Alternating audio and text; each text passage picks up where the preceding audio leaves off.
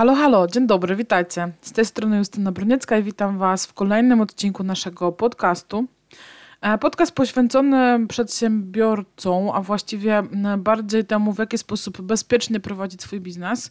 Dużo tutaj mówimy o spółkach ZO, o prowadzeniu działalności gospodarczej, o tym, co warto, co nie warto, kiedy warto, i też staramy się sygnalizować wszystkie zmiany, które e, cały czas nas dotyczą. Mam wrażenie, że w Polsce jesteśmy w takim momencie funkcjonowania naszego kraju, że zmiana jest tak permanentna, że trudno już co niektórym za nimi nadążyć.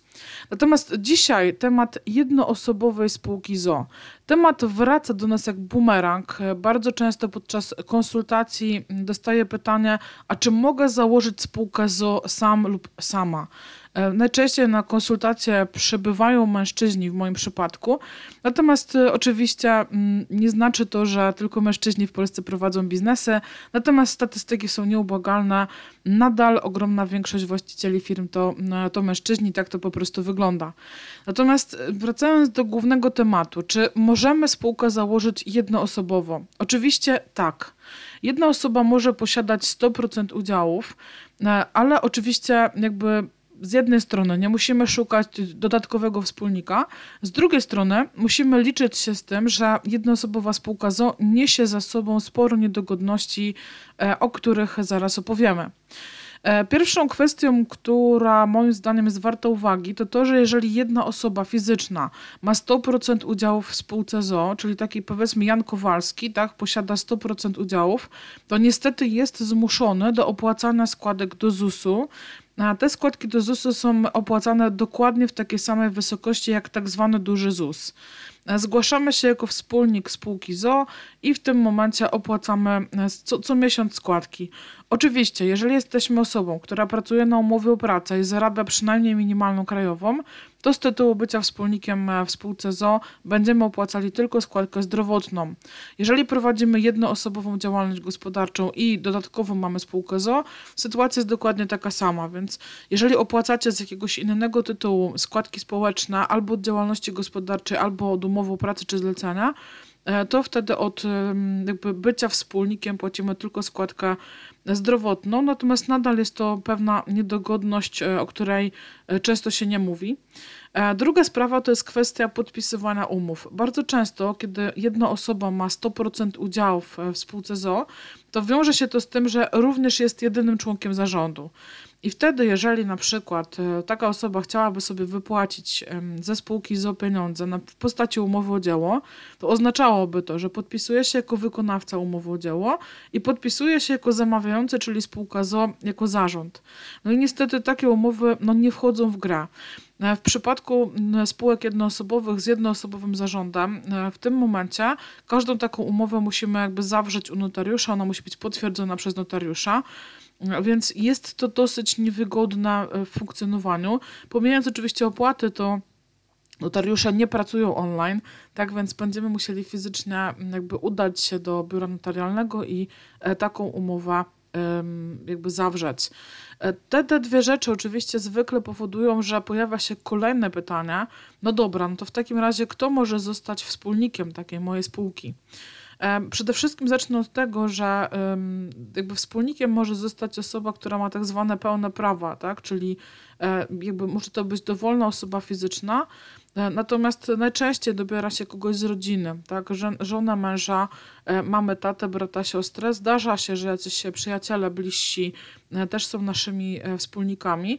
Gdybyście wpadli na pomysł, żeby wspólnikiem robić się dziecko, które nie ma ukończona 18 lat, czyli niepełnoletnia, to tutaj w szczególnych wypadkach takie osoby mogą być wspólnikami, natomiast co do zasady potrzebna jest zgoda sądu rodzinnego, więc po raz kolejny okazuje się, że nie jest to najmądrzejsze rozwiązanie. E, więc e, to jest jakby jedna sprawa. Druga sprawa jest taka, że wspólnikiem takiej spółki może być inna spółka. Tak? Czyli jeżeli macie inną spółkę ZO czy inną spółkę akcyjną, to ona może stać się wspólnikiem waszej nowej spółki ZO. E, więc tutaj też warto o tym powiedzieć, bo bardzo często przedsiębiorcy mają więcej niż jedną firmę. Natomiast z drugiej strony, jeżeli spółka ZO posiada 100% udziałów w innej spółce ZO, to oczywiście jest e, podmiotem powiązanym i będzie się to wiązało e, chociażby z troszkę innym przygotowaniem sprawozdania finansowego. E, jeżeli chodzi o odpowiedzialność, bo tutaj bardzo często, jeżeli zastanawiacie się nad członkiem rodziny, to myślicie sobie, dobra, ale jak on, jaką on będzie miał odpowiedzialność, co mu grozi. Więc bycie wspólnikiem spółki ZO nie wiąże się z odpowiedzialnością finansową. E, oczywiście będzie musiał od czasu do czasu podpisać się pod jakimś dokumentem spółkowym, natomiast jakby co do zasady nie ryzykuje swoim majątkiem, majątek rodzinny tej osoby jest bezpieczny, także nie wiąże się to z, jakby z finansową odpowiedzialnością za ewentualne potknięcia e, w takiej spółce, bo bardzo często tutaj mamy problem, że nie chcemy narażać członków naszej rodziny na ewentualne potknięcia e, biznesowe. No i jak już wymyślimy sobie, kto taki może być naszym wspólnikiem, to zwykle pada pytanie, ile muszę tej osobie oddać udziałów. No i oczywiście zgodnie z kodeksem spółek handlowych wystarczy 1%, żebyśmy mogli mówić o tym, żeby nie płacić ZUS-u. Natomiast w praktyce niestety ZUS na razie na bardzo małą skalę jednak już e, takie wyroki sądu się pojawiają. Szukają sobie spółek, w których jedna osoba ma bardzo niski procent udziałów, 1, 2, 3 i składają e, jakby pozwy przeciwko tym, tym firmom, że te firmy mają opłacać ZUS, dlatego że są traktowane przez ZUS jako spółki jednoosobowe. I teraz jakby nie wchodząc już w bardzo głębokie szczegóły, to no, sąd niestety przychylnie się wypowiada w stronę ZUS-u więc e, jakby mm, teoria teorią, a praktyka praktyką. E, w Polsce, mm, jakby jeżeli, jeżeli chodzi o procent udziałów, to najlepiej, żeby w jednych rękach e, nie było więcej niż 75% udziałów.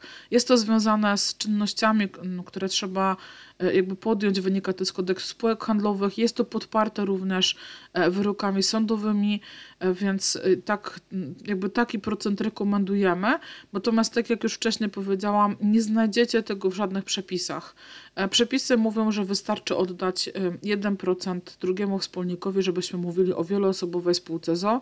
Natomiast co do praktyki i wyroków sądu, niestety one są trochę e, trochę różne. No i na końcu powstaje pytanie, kiedy rzeczywiście warto pomyśleć o jednoosobowej spółce ZO. Bardzo ważne jest to, że spółka ZO ogranicza odpowiedzialność biznesową, ogranicza ryzyko biznesowe i w przypadku, jeżeli jest to jednoosobowa spółka ZO, to nadal ograniczenie ryzyka działa dokładnie tak samo, czyli najpierw wchodzimy na majątek spółki, w razie e, gdyby tego majątku zabrakło i jednocześnie e, zarząd nie zgłosił upadłości, e, to ostatecznie można wejść na majątek prywatny zarządu. Ale oczywiście nie są to zdarzenia jakieś super częste, a więc mamy tutaj dokładnie takie same mechanizmy obronne jak w przypadku spółki wieloosobowej. Więc jeżeli jesteśmy osobą, która nie ma kandydata na, wspólnika, jeżeli jesteśmy osobą, która jakby no nie chce prowadzić tej spółki z nikim, to oczywiście zawsze pod kątem ryzyka biznesowego spółka ZO może okazać się być zdecydowanie e, lepszym rozwiązaniem. Mam nadzieję, że to pomogło Ci jakby zrozumieć, z czym wiąże się w ogóle prowadzenie jednoosobowej spółki ZO. Pokazaliśmy zarówno wady i zalety tego rozwiązania. Mam nadzieję, do usłyszenia kolejnym razem.